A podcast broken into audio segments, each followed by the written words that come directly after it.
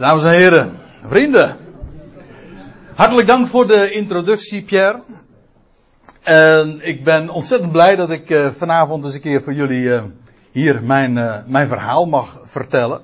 Of eigenlijk is het anders dat ik wat mag vertellen over dat wat in Efeze 1 staat. Want ik heb begrepen dat jullie daarmee bezig zijn met de, met de bespreking van die brief.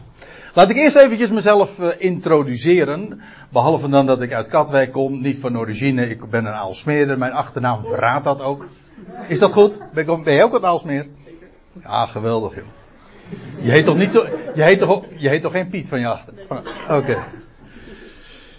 Maar, uh, ik woon al sinds mijn trouwen, in, sinds uh, 1992 toen woonden de meesten die hier in de zaal zitten, die waren toen nog niet eens geboren, als ik zo goed dat inschat. Maar in elk, ja, een aantal wel.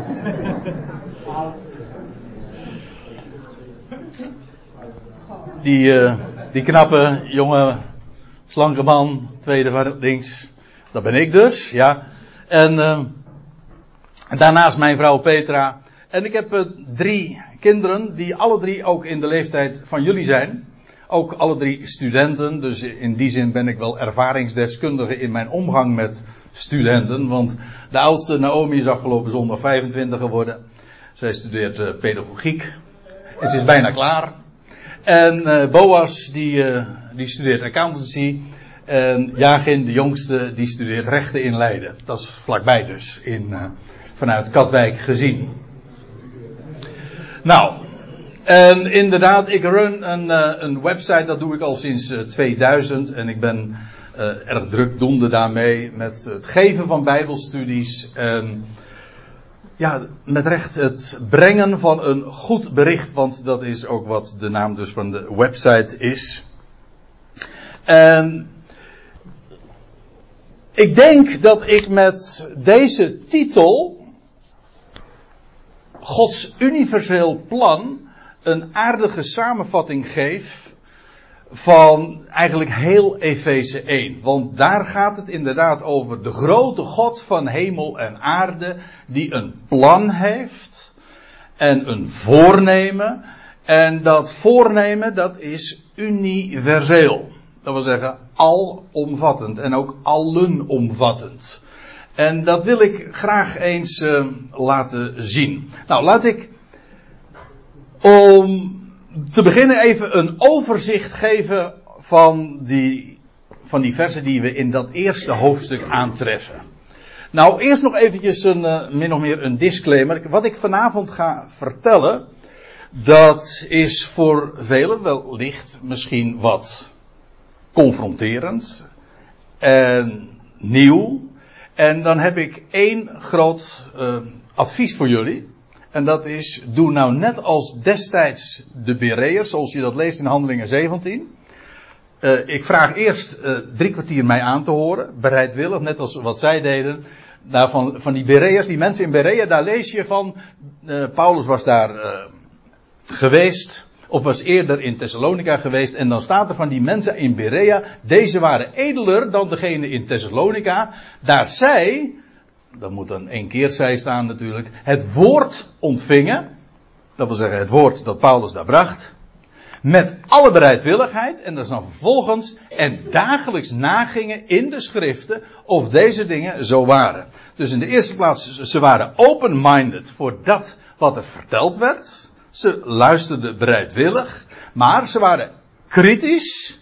Dat wil zeggen, ze controleerden zelfs dagelijks ze checkten in de schriften, dat toen alleen nog maar het Oude Testament was, of het inderdaad waar was wat Paulus schreef. En ze, en ze worden daarom edel genoemd.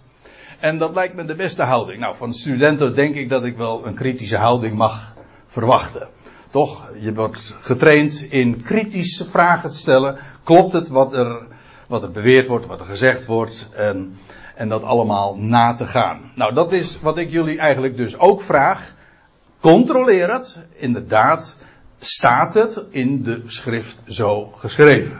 Nou, aan mij is het vervolgens om dat ook uh, overtuigend door te geven en uh, de bonnetjes, zeg maar, ook te overleggen. De opbouw van Efeze 1. Laat ik dat eens even in, in drie stukken uh, samenvatten. In, in dit hoofdstuk, maar dat gaf ik eigenlijk al even aan, wordt uiteengezet en feitelijk in het hele vervolg ook, dat God, die een vader is, dat wil zeggen niet alleen maar de oorsprong, maar ook degene is die zorg draagt voor en liefde heeft voor heel zijn schepping. Hij heeft een plan. Dat wil zeggen, voor, zo wordt dat ook genoemd in Efeze 1, voor de grondlegging der wereld, eigenlijk de nederwerping der wereld, voordat de wereld geboren werd, had hij al een voornemen en zijn keuzes gemaakt, had hij een besluit. En dat rolt hij, om het zo even zo te zeggen, in de loop der tijden uit. En hij ontwikkelt dat en hij werkt naar de uitkomst ook van dat plan. Dat ook gefaseerd is, maar daarover straks meer. En dat is universeel. Dat wil zeggen, we zullen dat straks ook nog wel zien. Het betreft hemel en aarde, kortom, het al, want dat is de uitdrukking in de Bijbel daarvoor. Je hebt daar zelfs een min of meer staande uitdrukking voor tapanta. Wij zouden zeggen het heelal. Dat wat hij allemaal bedacht heeft, wat hij gecreëerd heeft en wat hij zelf dus ook gevormd heeft. Het werk van zijn handen, nietwaar? Dat is wat wij allemaal zijn. Dat de hele schepping is door hem niet alleen maar ooit uh, bedacht, maar het is ook door hem geformeerd en elk mens is zijn design en zijn creatie. Werk van zijn handen. En het is precies waar wat er ook zo vaak ook klinkt in de kerken. Waar de dienst mee aanvangt. God laat nooit varen de werken van zijn handen. Waarom niet? Ja, het is werk van zijn handen. Daarom. Hij heeft het zelf gemaakt en bedacht. En daarom heeft hij een liefde voor heel zijn schepping. Dat staat ook in de psalmen, dat zijn ontferming, zijn barmhartigheid gaat over al zijn werken. Heel de schepping dus, universeel. En een ander ongelooflijk belangrijk punt, wat heel centraal is, en staat in deze brief, maar eigenlijk in heel de Bijbel, zou je kunnen verdedigen natuurlijk. Hij realiseert dit plan door de Christus. Dat wil zeggen de gezalfde of de Mashiach of de Messias. Het hangt er maar vanaf in welke taal je het zegt. Maar degene die ooit duizenden jaren tevoren was aangekondigd wie hij zou zijn, wanneer hij zou komen zelfs, uh, waar hij uh, geboren zou worden. Kortom, zijn hele profiel, zal ik maar zeggen, was al voorzegd en toen kwam hij daar. En inmiddels, en dat is, ligt nu 2000 jaar achter ons, uh, dat is geschiedenis in die zin, hij, de Christus is gekomen, hij is opgestaan en ja, hij is degene die God heeft aangesteld en door wie hij alles, zijn hele voornemen gaat volvoeren, gaat realiseren. En dat die Christus, dat is de eersteling uit de doden en feitelijk daarmee ook de eersteling van een hele nieuwe schepping. Hij is hij heeft de dood overwonnen. En de dood ligt achter hem, definitief. Hij is daarin ook de eersteling. Ik bedoel, er waren al vele mensen, nou ja, veel, dat is overdreven, maar er waren ook in de loop der tijden wel meer mensen opgestaan uit de doden, maar die stierven weer. Hij is de eersteling uit de doden, dat wil zeggen die definitief nieuw leven aan het licht bracht. En de dood dus werkelijk achter zich heeft en opgestaan is uit de doden en daarvan is hij de eersteling. De rest volgt nog. Maar daarover straks trouwens ook nog meer. Maar nou, nou komen we op, op een heel belangrijk punt. En een belangrijke term in de Efezebrief, ik weet niet in hoeverre jullie al goed ingelezen zijn, maar goed, ik mag aannemen dat als je met deze brief bezig bent, eh, dat je toch uh, uh, wel bepaalde termen hebt opgepakt. Een van de termen die heel vaak bij Paulus in het algemeen, maar in de Efezebrief in het bijzonder vaak voorkomt en een grote rol speelt, dat is de term het geheim. Of, nou ja, het hangt er een beetje vanaf welke vertaling je dan gebruikt. Of het geheimenis. Of de Statenvertaling zegt de verborgenheid. En wat blijkt die geheim, dat geheimenis te zijn? Dat geheim, dat is dat de Christus, maar niet alleen één iemand is. Dat is wel zo. Maar in feite is het een heel gezelschap met Jezus Christus aan het hoofd. En dat wordt inderdaad zo ook uh, voortdurend vergeleken, namelijk en vergeleken met hoofd en lichaam. En de Christus is feitelijk dus niet alleen maar het hoofd, maar inclusief al degenen die bij hem horen, namelijk het lichaam, uh, de ecclesia of de gemeente of de kerk. Uh, maar, en dan bedoel ik daarmee uiteraard degenen die werkelijk in hem in geloof, in vertrouwen hem toebehoren. God heeft een plan. En dat plan volvoert hij, realiseert hij door Christus. En die Christus, die is niet alleen maar uh, Jezus Christus, maar ook zijn lichaam. Dat wil zeggen, degene die bij hem horen, die ook letterlijk met hem één gemaakt zijn. Dat wil zeggen, zijn positie delen. En dan staat er bijvoorbeeld in vers 3 dat God ons, die geloven, in Christus gezegend heeft met elke uh, geestelijke zegen te midden van de hemelse. Dus het is echt, deze brief gaat echt zo uh, ver, maar ook zo hoog. Uh, ver boven het aardse niveau. Daar waar Christus nu is, ontrokken aan het oog, daar zijn wij. Dat wil zeggen, daar worden wij gerekend. En wij zijn met Hem verbonden. Als hoofd en lichaam. Dit is belangrijk. Want dat betekent dat God met Christus en daarmee ook met dat hele gezelschap wat nu bij hem hoort, dat uitgeroepen wordt, dat woord ecclesia, de gemeente, betekent eigenlijk ook letterlijk een uitroepsel. Er wordt vandaag een gezelschap uitgeroepen in deze wereld. En dat wordt gevoegd en, uh, bij ja, de Heer Jezus Christus, de eersteling. Hoofd en lichaam. Eén, uh, één nieuwe mens. Zo staat het in Efeze 2 dan weer. Nou ja, zo blader je wat door uh, de brief heen. Maar dit is een heel belangrijk uh, element in, die, uh, in dat eerste hoofdstuk. En daarop nog aansluitend, de gelovigen van die Ecclesia, dat uitroepsel, wat nu dus verzameld wordt. Zij zijn, zegt vers 4, dan uitverkoren dat wil zeggen uitgekozen, maar ook voorbestemd tot het tot zoonstelling, of de meeste vertalingen zeggen tot zoonschap. Uh, de, de echte betekenis daarvan ontgaat ons heel gemakkelijk omdat we het idee niet zozeer meer kennen. Maar een zoonschap wil zeggen dat je gesteld wordt in de positie van zoon en daarmee ook van erfgenaam. Dat wil zeggen, je krijgt de erfenis. En de erfenis, en dat is belangrijk, de erfenis is heel de schepping. God geeft de heel zijn schepping als cadeau, als ik het zo mag zeggen, aan zijn zoon, de Heer Jezus Christus. Inclusief dat lichaam van hem, die Ecclesia, en in hem zijn zij. Zij worden met hem gerekend en zij zijn in hem ook uitverkoren, uitgekozen en voorbestemd, predestinatie is dat eigenlijk ook, voorbestemming, en tot zoonschap. Dat wil zeggen, zij zijn bestemd om de hele schepping tot zijn doel te gaan brengen.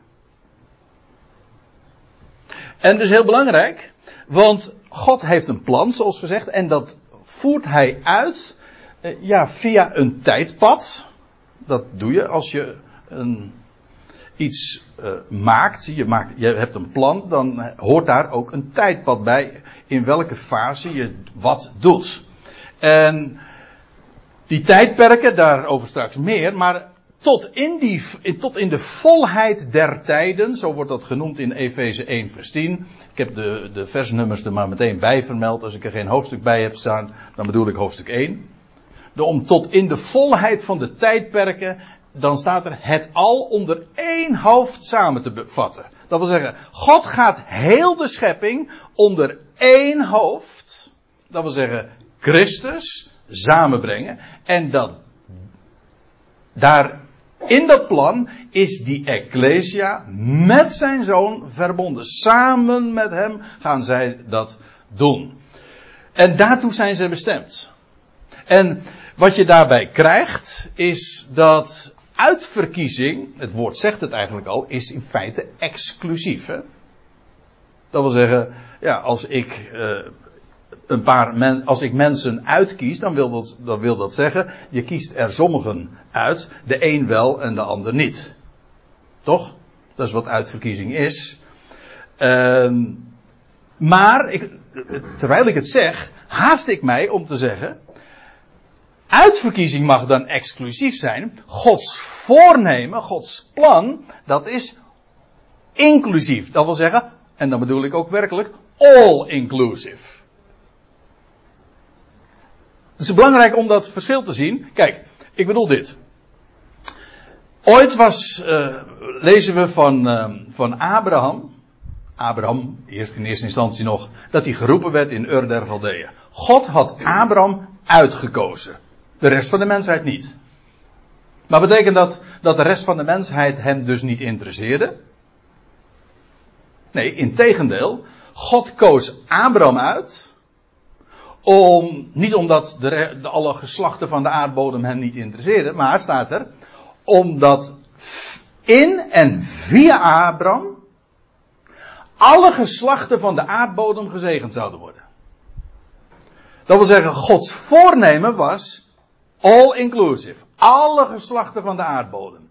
Maar die uitverkiezing van Abraham, dat was exclusief. Dat wil zeggen, hij werd, hij en zijn nageslacht, dat werd uitverkoren om de rest te bereiken. En dat is heel belangrijk, want uitverkiezing mag dan exclusief zijn, maar Gods liefde is universeel en allenomvattend. En God kiest altijd, ik denk dat dat een ongelooflijk belangrijk uh, inzicht is. God kiest altijd, niet ten koste van de rest, maar altijd ten dienste van de rest. Namelijk om de overigen, heel de wereld, te gaan zegenen. Dus het ene is exclusief. Als je mag behoren bij die Ecclesia, dat is exclusief. Want dat, dat in feite, relatief gezien, is dat een klein clubje. als je dat afzet tegen de rest van de wereld. Maar Gods voornemen, dat is inderdaad all inclusive. Ik kom daar straks uh, bij het derde punt op terug.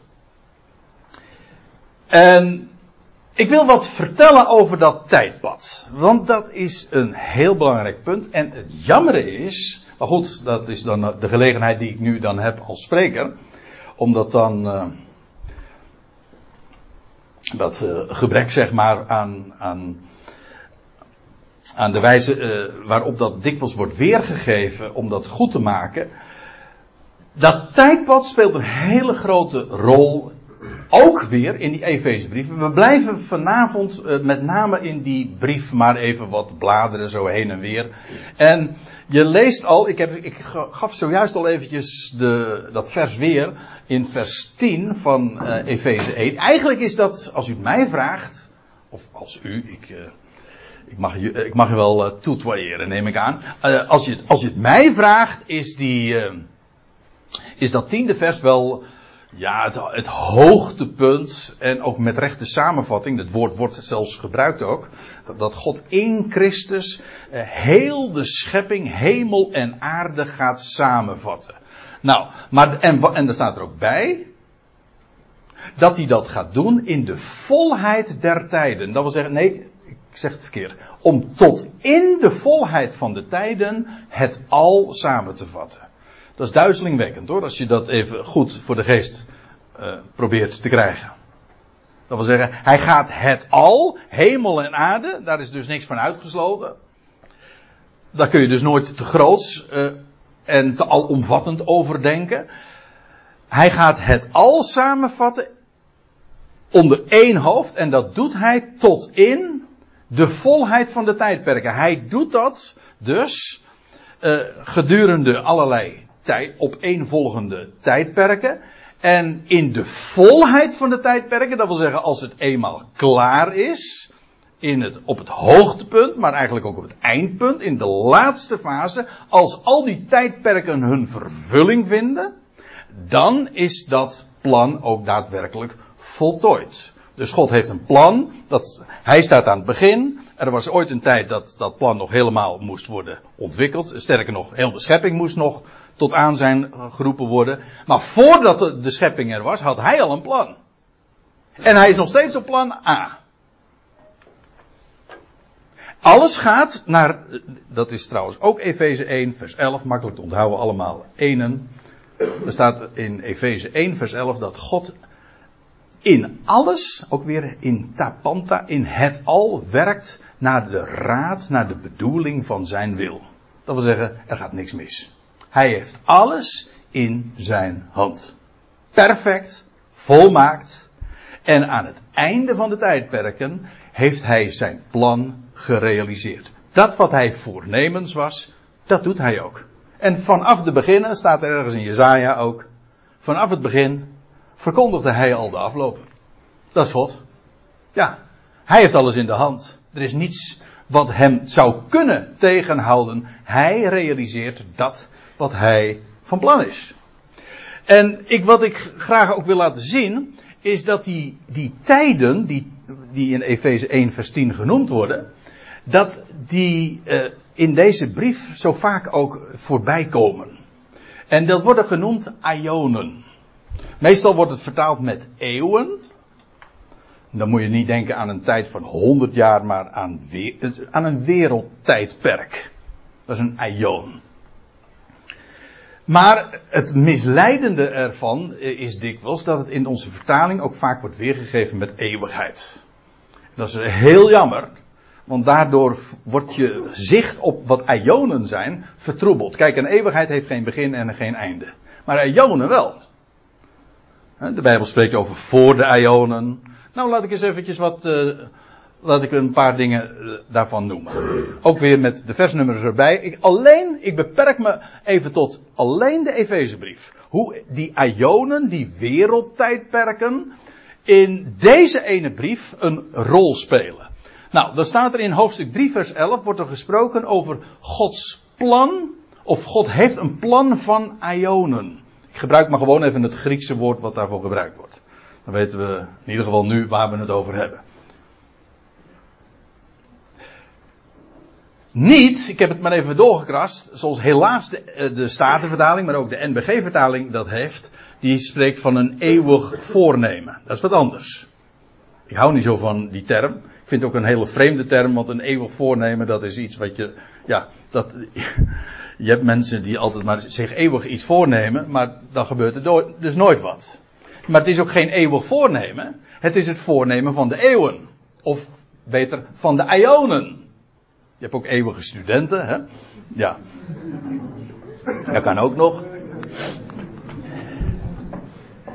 Denk je trouwens ook niet aan eindeloos. Voortaan worden het Ionische studenten. Maar het is dus niet het eeuwig voornemen, het is het plan van Ionen. Dat was, eh, moet, je, even voorstellen. God heeft een plan. En dat, is een, en dat wordt letterlijk zo genoemd door Paulus. Daar in die, die ja, het is een gevangenisbrief. En ja, ik, ik probeer me dat zo voor te stellen. Die man die heeft dat inmiddels op leeftijd gekomen. Heeft hij, terwijl hij daar gevangen is, en uh, niet zoveel kanten op kon, heeft hij zulke geweldige ja, perspectieven, uh, open vensters. En dan praat hij over wereldtijdperken. En God heeft een plan. En een plan van wereldtijdperken. Hou dat vast.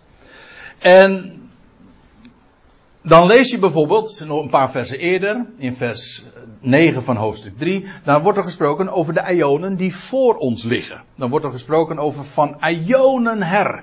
Dus er, voor de huidige Ion was er al, waren, zijn er al eerdere wereldtijden of tijdperken geweest. Uh, de, de Bijbel spreekt ook in datzelfde hoofdstuk, nee, in hoofdstuk 2, vers 2, wordt er gesproken over de Ion, het wereldtijd, uh, ja, de tijd van deze wereld. Deze kosmos en de Ion van deze wereld. Er zijn namelijk ook nog, je leest ook over de wereld uh, van de voortijd, voor de zondvloed, voor de dagen van Noach. Dat was weer een andere Aion. Maar deze Aion, of de Aion van deze wereld, ja, die loopt inmiddels al een paar duizend jaar. Maar ik moet er ook bij zeggen, die loopt ook op zijn eind. Dat wil zeggen, de Bijbel spreekt ook over het einde van deze aion. En wat dacht je wat? Daarna volgt de komende aion. Als deze aion is afgesloten, dan, ja, dat is de, wat wij dan altijd noemen, de wederkomst. Christus keert terug. En dan wordt er een einde gemaakt aan deze boze aion. De aion van deze wereld, die wordt ook heel vaak genoemd uh, met, in termen van uh, deze boze aion. Want de, het is de diabolos, de duivel, die de waarheid verdraait, die deze aion ook boos maakt. De waarheid ten onderhoud. Afijn, dat is de aion van deze wereld. Maar daar blijft het niet bij, want de, deze aion, dit wereldtijdperk, wordt weer zal afgesloten worden, zoals gezegd. Maar dat maakt plaats voor een hele nieuwe tijd. Dat is, dat wordt genoemd in hoofdstuk 1, vers 21, de toekomende aion. Of in de meeste Bijbelvertalingen staat er dan de komende eeuw. Dat wil zeggen, dat is de tijd wanneer Christus gaat heersen in deze wereld nog steeds. En in het boek De Openbaring wordt dan gesproken over de duizend jaren dat Christus eh, zal heersen vanuit Jeruzalem. En dan zal er een geweldig tijdperk van vrede komen en waarin Satan ook duizend jaar gebonden zal zijn en niet in staat zal zijn om de volkeren te verleiden. Nou, dat is een onderwerp apart. maar het gaat er even om. Er, kijk, dat is belangrijk. Als Jezus Christus terugkeert, dan is het dus niet zo dat er een, een, eens, een eindeloze eeuwigheid aanbreekt. Dat kent de Bijbel niet. Nee, wat er aanbreekt is niet een eindeloze eeuwigheid, maar dat deze aion wordt afgesloten en dan breken er nieuwe aionen aan. Dat wil zeggen, eerst krijg je dus de toekomende aion, maar daar blijft het zo ook nog niet bij. Want je leest zelfs over de komende aionen. Dus, niet, dus de aion die gaat komen, is ook niet de laatste. Daar zal weer een tijdperk op volgen. En je leest daar in het boek Openbaring ook over. Dat na de duizend jaren uh, zal er een nieuwe hemel en een nieuwe aarde komen. Daarin zal Christus nog steeds heersen. Want Christus moet heersen tot in de Ionen. Kijk, dus misschien even een goed punt om eventjes dat nu ook te maken. Wij zijn gewend eraan te denken dat Christus moet heersen tot in eeuwigheid. Zal je dit zeggen, dat staat er nergens in de Bijbel. Christus moet heersen tot in de Ionen. Dat wel. Maar niet tot een eeuwigheid. Sterker nog, we lezen heel duidelijk dat Christus moet heersen totdat. Totdat hij de laatste vijand, de dood, niet gedaan zal hebben. En dan, ja, dan zal hij het koninkrijk teruggeven aan God de Vader die hem ooit alles heeft gegeven. En dan is alles rond, om zo te zeggen. Ja, letterlijk en figuurlijk. Maar goed, dat zijn de komende ionen. Dat is een, een veel dynamischer en ook veel, zo, zoveel groter uh, concept. Uh, zo van Christus keert keer terug en dan is het de eindeloze eeuwigheid, dan is het eeuwig wel of eeuwig wee. Uh, zoals dat dan traditioneel genoemd wordt. Nee, nee. Christus komt terug en dan breken er nog tijdperken aan waarin God zijn plan verder gaat ontwikkelen en waarin Christus zal heersen. Dat zijn de komende ionen. En dan lees je ook nog, maar ik weet niet of jullie dat nu nog kunnen zien. Eh, ik nog hier wel, maar achter het bord staat er dan. Uh, want ja, je mist net het onderste deel van het plaatje. Uh, maar dan staat er uh, in Efeze 3 vers 21, dat wordt er gesproken over tot in de aion van de ionen. Oei. Dat is een soort overtreffende trap. Je hebt de koning der koningen, het lied der liederen. En het heilige der heiligen. Nou ja, dat is dus het meest overtreffende. En wat je uiteindelijk gaat krijgen, dat is de volheid van de tijden. Dat is die aion van de aionen. Dat is die laatste, die grootste, die overtreffende aion. Waarin alles tot volheid gaat komen. En dit is dus zo'n typisch voorbeeld waarin je dus ziet hoe dat, dat woord is wegvertaald, dat woord aion. Want als je dan leest in de Statenvertaling of in de MBG-vertaling, dan wordt er gezegd, dan wordt er niet gezegd de aion van de ionen. Dan staat er tot in alle eeuwigheid. Nou, dat lijkt nergens naar. Sorry. Nee, ja, ik ben daar dan wel duidelijk in, want dat woord alle staat er niet. En uh, er staat eerst een enkelvoud aion en dan een meervoud aion. En dat is allemaal gewoon wegvertaald, als het mij vraagt, als je het mij vraagt met eeuwigheid. Maar goed, het is dus de aion van de aionen. En het is, ja, als God een plan van aion heeft, dan is het van belang, als je dat wilt begrijpen, dat je daar ook zicht op hebt. Dan moet je het ook wel, dan moet dat woord ook tot ons komen en niet, uh, ja, weggemoffeld worden. Dus, houd dit vast. God heeft een plan. Hij realiseert dat door Christus. En uh, door tijdperken heen. En er, gaan nog geweldige wereldtijdperken volgen. Waarin niet iedereen trouwens een plaats heeft. Je leest de, degenen die geloven. Die hebben een plaats in die toekomende eeuwen. Dat heet dan ook het eeuwige leven. Ik zeg het expres zo. Want dat eeuwige leven, dat is ook niet het leven dat eindeloos is. Maar dat gaat erom, dat is het leven dat hoort bij die toekomende eeuwen. Dat is een heel groot voorrecht. Maar dat houdt dus verband met die, met die, die laatste, die, die grootste wereldtijdperken. Nou, en nou komt het meest spannende misschien nog, en dat, dat is dat het werkelijk ook universeel is. Ik ga er erg snel doorheen nu, maar ik wil heel graag vertellen dat als God, we hebben het trouwens, dat vond frappant, het is niet afgesproken, maar het eerste lied dat we zongen, dat was uh, laat, elke, laat elke natie, hoe ging het nou precies, en elke creatie voor u buigen. Nou, wat ik eigenlijk ga vertellen is, dat is niet alleen maar een bede, maar de Bijbel zegt, dat gaat ook daadwerkelijk gebeuren. God heeft heel de schepping op het oog, omvat heel de schepping. Hij houdt van ieder schepsel. En hij gaat ook iedere creatie daar brengen waar hij het hebben wil. Laat dat aan hem over. Nou, ik zal daar een paar voorbeelden van geven. Nou ga ik even buiten de Efezebrief om. Toch? Om ook te laten zien dat, dat, dat, dat je dat niet letterlijk genoeg kunt nemen. Er staat in Romeinen 3. Paulus legt daar heel fundamenteel uit ja, wat de boodschap die hij onder de natieën mocht uitdragen.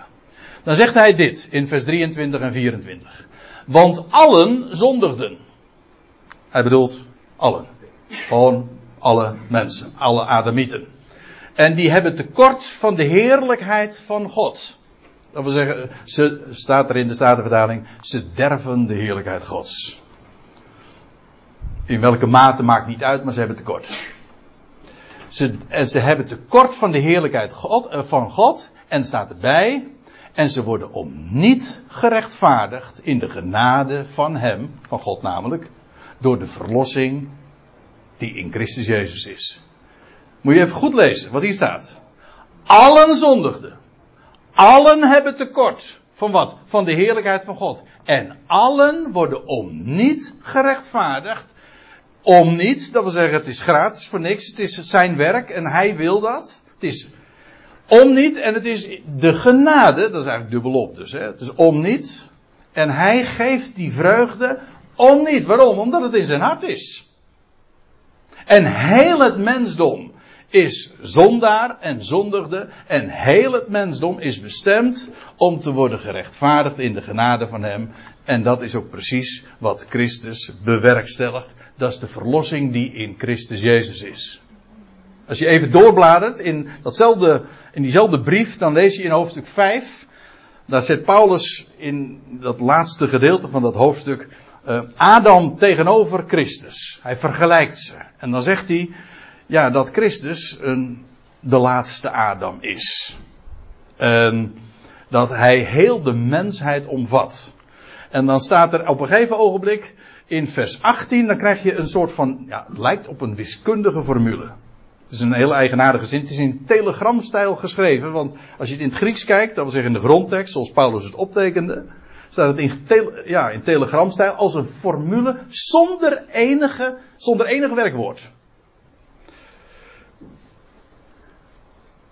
Dat kan je in het Nederlands nauwelijks doen. Maar goed, ik heb het hier voor het uh, gemak eventjes dan wel zo weergegeven. En dat ene werkwoord wat er wel in staat, dat moet je eigenlijk tussen haakjes uh, lezen. Uh, dan staat er dit. Zo, zo dan. zijn conclusie uit het voorgaande. Zoals door één misstap, en dat wil zeggen dat wat Adam ooit deed, die ene misstap, zoals door één misstap voor alle mensen tot veroordeling was. Alle mensen zijn veroordeeld tot wat? Nou, in ieder geval om zondaar te zijn en sterveling. Heb je daarvoor gekozen? Nee, dat was je al uh, in de wieg. Hè? Toen was je al een zondaar. Dat wil zeggen, en een sterveling. En dat is niet omdat het jouw keuze was, of is. Nee, dat is gewoon, je bent een Adamiet. Hè? Een nakomeling van Adam en al zodanig veroordeeld om zondaar te zijn en sterveling te zijn. Nou, en dan gaat Paulus een vergelijking maken, want dit is gitzwart natuurlijk. Nou zeg je, want ja, dat is niet leuk om eraan te denken dat wij allemaal veroordeeld zijn om zondaar en sterveling te zijn. Maar het is wel een gegeven. Het, is, lijkt me ook moeilijk te logenen. Alle mensen zijn stervelingen. Nou, zo dan. Zoals door één misstap voor alle mensen tot veroordeling was, zo ook, aha, nou wordt, nou wordt de vergelijking gecompleteerd. Zo ook door één rechtsuiting, dat wil zeggen door één daad van de rechtvaardigheid staat er in de, uh, de MBG-vertaling. Door één rechtsuiting voor alle mensen tot rechtvaardiging van leven. Dat wil zeggen, zo absoluut als het ene is, namelijk alle mensen zijn door één misstap veroordeeld. Zo ook, dat is de vergelijking, door één rechtsuiting voor alle mensen tot rechtvaardiging van leven. Dat wil zeggen, er was één Adam. één misstap. En dat maakte dat heel de mensheid veroordeeld was. Nou is er een andere Adam, de laatste. En die deed één ding. Eén rechtsuiting. één daad van gerechtigheid. Hij was gehoorzaam tot de dood, ja tot de dood van het kruis. Die daad. Hij gaf zijn leven tot een losprijs. Eén daad is genoeg voor alle mensen tot rechtvaardiging van leven. Dat is geen kwestie van keuze, dat is een kwestie van in wie ben je besloten. Eén misstap. Eén daad van rechtvaardigheid. En beide is absoluut. De vergelijking is perfect. Maar het geweldige is dat Jezus Christus dus daadwerkelijk een verlosser is en een rechtvaardiger is van heel de mensheid. Is dat groot of niet? Nog één. We hebben, we hebben dat eigenlijk min of meer gezongen. Maar ik wil hem ook graag nu even voor het voetlicht brengen, omdat het precies is waar we het over hebben. Want ja, wat betekent dat? Dat uh, uiteindelijk heel de mensheid gerechtvaardigd wordt en leven zal ontvangen. En, maar dat betekent ook dat ze daadwerkelijk ook tot hun bestemming komen. En weet je wat dat is? Tot bestemming komen? Dat je hem gaat erkennen. Er staat in, uh, in Efeze, nee, pardon, in Filippenzen 2, vers 10 en 11. Ik begin midden in de zin te lezen. Opdat in de naam van Jezus, zijn naam betekent Yahweh red. Opdat in de naam van Jezus alle knie zou buigen. Dat is trouwens een citaat uit Jezaja. Dan lees je dat God bij zelfs gezworen heeft. Dat doet God niet zo gauw hoor. Een paar keer lees je in de Bijbel dat God een eed zweert. Maar dan lees je dat God gezworen heeft bij zijn eigen naam. Bij de hoogste naam en dus bij zichzelf. Hij, zwoer, hij zwoer bij zichzelf. Dat alle knie zou buigen. En dan staat erbij, wat, wat is dat dan? Hoe, hoe ver strekt dat? Nou, er staat er van hemelse, boven, van aardse en van onderaardse. Nou, dan heb je toch echt alles gehad hoor. Iedere creatie, alles wat maar buigen kan, zal buigen. In de naam van Jezus, namelijk van Jehovah die redder is. En alle tong zou instemmen, en hier wordt in het Grieks een woord gebruikt dat maar niet alleen betekent van onder dwang of zo uh, moeten erkennen. Nee, hier wordt een woord gebruikt. Dat wil zeggen, het komt van binnenuit. Dat blijkt trouwens ook al uit het woord dat het alle tong is. Het is geen lippendienst. De lip is de buitenkant. Maar de tong, dat zit erin. Is de binnenkant. Alle tong zal beleiden, en daar staat er letterlijk een woord, uh, ja, dat, het Grieks laat er dan het woordje ex uh, voor, en dat betekent dat het van binnenuit komt. Alle tong zal van binnenuit beleiden, instemmen, dat Jezus Christus Heer is. Dat wil zeggen, het is nu nog maar een enkeling, relatief gesproken, die Hem nu zo mag kennen. En die nu al de knie buigt. En die nu al van harte zegt, u bent Heer. Maar er komt een moment dat alle hemelse, alle aardse en alle onderaardse hun knieën gaan buigen en hun tong zal beleiden dat Jezus Heer is. Ja, en zal beleiden in die naam. Yahweh die redt. En dat zal zijn tot heerlijkheid van God, de Vader. Wat een uiteindelijke uitkomst van de geschiedenis is dat ook. Dit kan alleen God bedenken. Dit is ook goddelijk. God die zijn schepping lief heeft en door tijdperken heen uiteindelijk met elke creatie zijn doel bereikt. En dat zal, dus uiteindelijk eindigt de hele schepping in één groot halleluja, als ik het zo mag zeggen.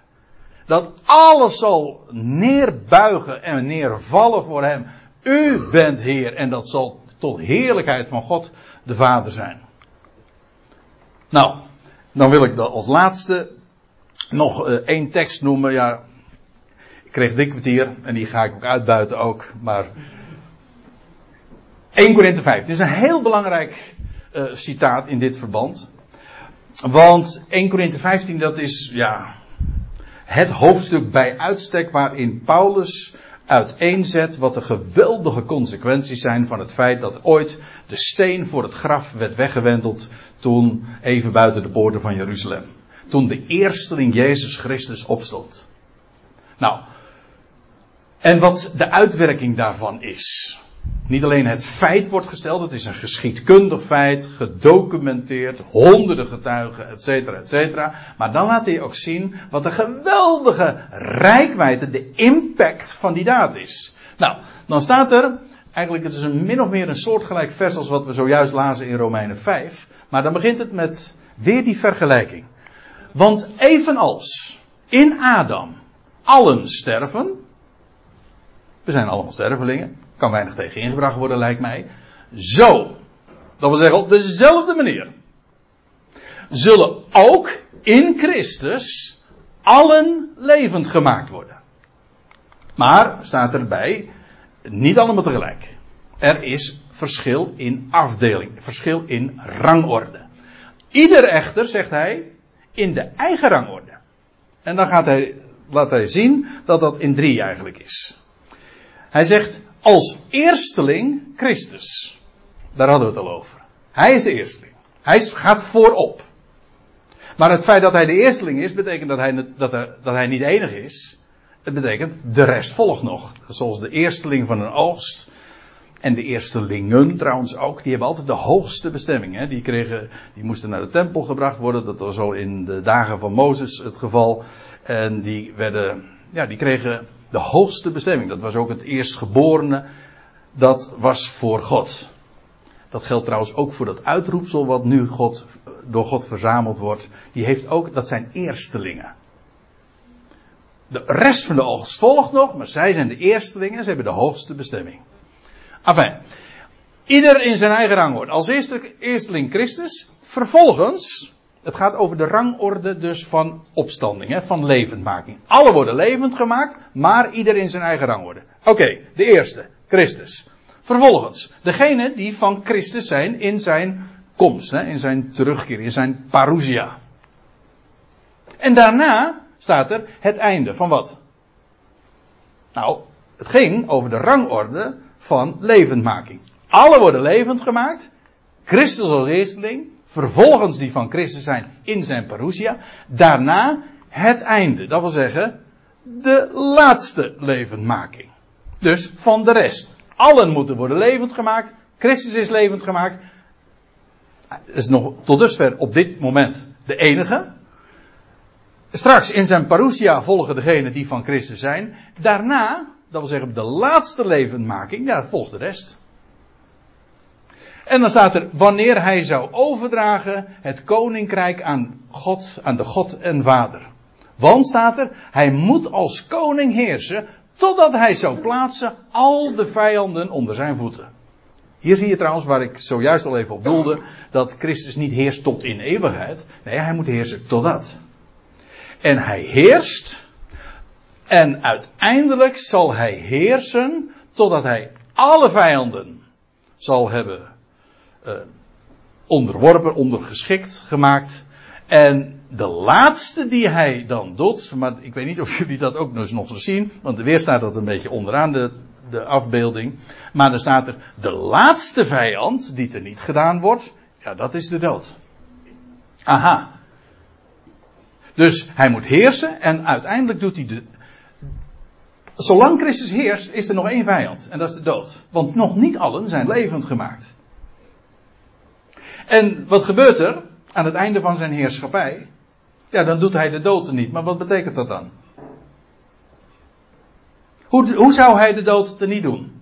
Door alle levend te maken. Precies, door alle levend te maken. Dat kan niet missen. Hij maakt allen levend en dan is er dus geen dood meer. Dat is de truc, om zo te zeggen. Hè? Ja, goddelijke magic. Dit is de levenskracht, de potentie van zijn levenskracht. God wekte ooit Christus op als eersteling en uiteindelijk wordt heel de mensheid levend gemaakt. En zijn laatste regeringsdaad is dat hij de rest van de mensheid levend maakt. Die maken trouwens dus niet meer zijn heerschappij mee. Maar nee, want hij moet heersen totdat die laatste vijand er niet gedaan zal zijn.